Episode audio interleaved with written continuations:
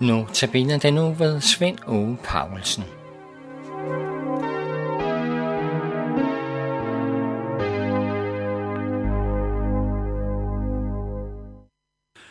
I Lukas 4, vers 37-44 står der, Der gik frasavn om ham overalt på egnen. Jesus brød op fra synagogen og kom ind i Simons hus. Simons svigermor lå syg med høj feber, og de bad ham hjælpe hende. Så gik han hen og bøjede sig over hende og truede af feberen, og den forlod hende. Og hun stod straks op og sørgede for den. Ved solnedgangen kom alle, der havde noget med en eller anden sygdom, hen til ham med dem, og han lagde hænderne på dem og helbredte dem. der får også dæmoner ud af mange, mens de råbte, du er Guds søn. Men han troede dem til ikke at sige noget, for de vidste, at han var Kristus. Da det var blevet der, gik han bort og ud til et øde sted. Folk ledte efter ham, og de fandt frem til ham og forsøgte at holde på ham, så han ikke skulle forlade dem. Men han sagde til dem, jeg skal også forkynde evangeliet om Guds rige i de andre byer. Det er derfor, jeg blev udsendt. Og han prædikede i synagogerne i Judæa. Der gik frasavn om Jesus overalt.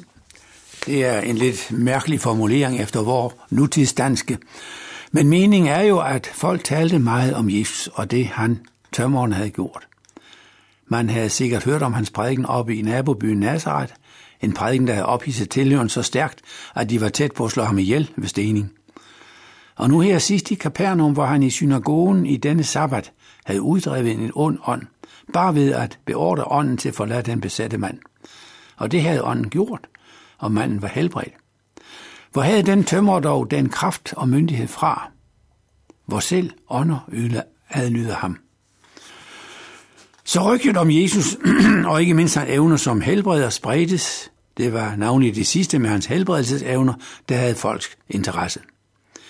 Og vi kender den interesse også i vores tid, hvor healing absolut er efterspurgt, uanset hvilken åndelig baggrund den har.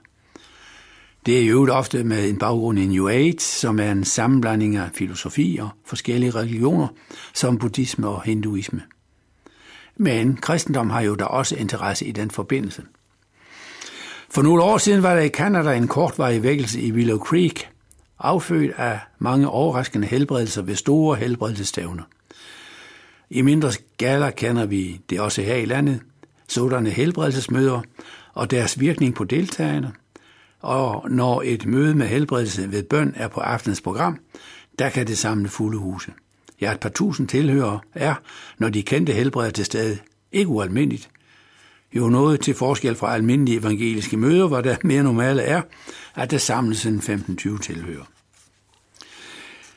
Men ved, over, ved ovennævnte helbredelsesmøder overværer tilhørende oftest et oplæg til helbredelserne med en andagt eller en prædiken, ofte holdt på en måde, der tjener til at piske forventningerne og stemningen lidt op til det, der nu skal ske.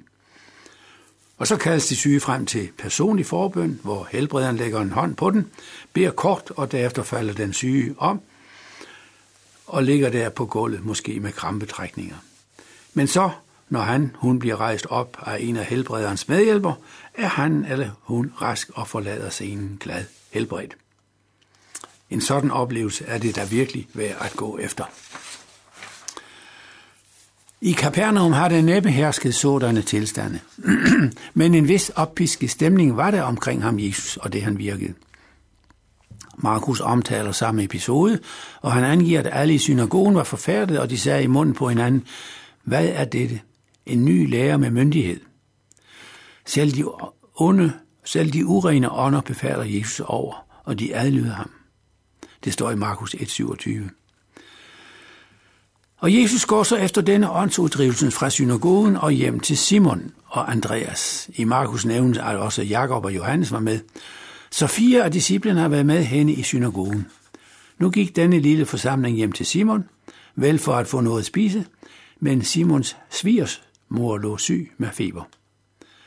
I Markus er dette lidt mere detaljeret beskrevet, hvor her står, at de fortalte Jesus om hende, og Jesus gik så hen og tog hendes hånd og rejste hende op, og feberen forlod hende, og hun gik ud og sørgede for den. Her er til synligheden ikke tale om en åndsuddrivelse. Simons svigermor har næppe været besat af en dæmon. Hun har bare været syg. Og bare ved, at Jesus rørte ved hende, så blev hun rask, feberfri og med kræfter til at gå i gang. Man fornemmer her, at Jesu magt lå i hans ord, og det, de havde overværet, dæmonuddrivelsen og helbredelserne, undrede sig over, med hvilken hemmelighed, der lå bag her. Det Jesus virker var ligesom et komplement til hans hus, til hans ord. Ordene virkede direkte det, Jesus sagde. Og det vi her får indblik i, er, at Guds rige er ved at bryde ind i verden, som profeteret af Esajas. De skal se Herrens herlighed. De styrke de synkende hænder, gør de kraftesløse knæ stærke. De blinde øjne skal åbnes, og døves ører låses op. Der springer den halte som jorden, den stummes tunge jubler i, øh, bryder ud i jubel. Det er udpluk fra Esajas 35. Ved solnedgang kom alle, der havde noget med en eller anden sygdom hen til Jesus. Det beskriver Lukas så efterfølgende. For nu var sabbaten nemlig overstået, og man kunne igen røre sig frit, og det første man i Kapernaum tænkte på var at benytte den øh, nye profet og få hjælp for sine egne og andre sygdomme. I Markus beskrives, at hele byen var stemlet sammen ved døren til Simons hus, så der har virkelig været snak og opmærksomhed omkring Jesus. Og Jesus helbredte så mange, de der led af forskellige sygdomme, og han uddrev også mange dæmoner. Og som næsten en afsluttende bemærkning for afsnittet her, beskriver Lukas, at disse dæmoner, der blev drevet ud, råbte, du er Guds søn. Så disse djævelens redskaber vidste, at Jesus var Messias, den længe ventede. Men folk i Kapernaum vidste ikke endnu. Og netop derfor begav Jesus sig ud til de andre byer og prædike i synagogerne i hele Judæa. Så småt begynder evangeliet at blive udbredt. Indledningsvis ved Jesus selv.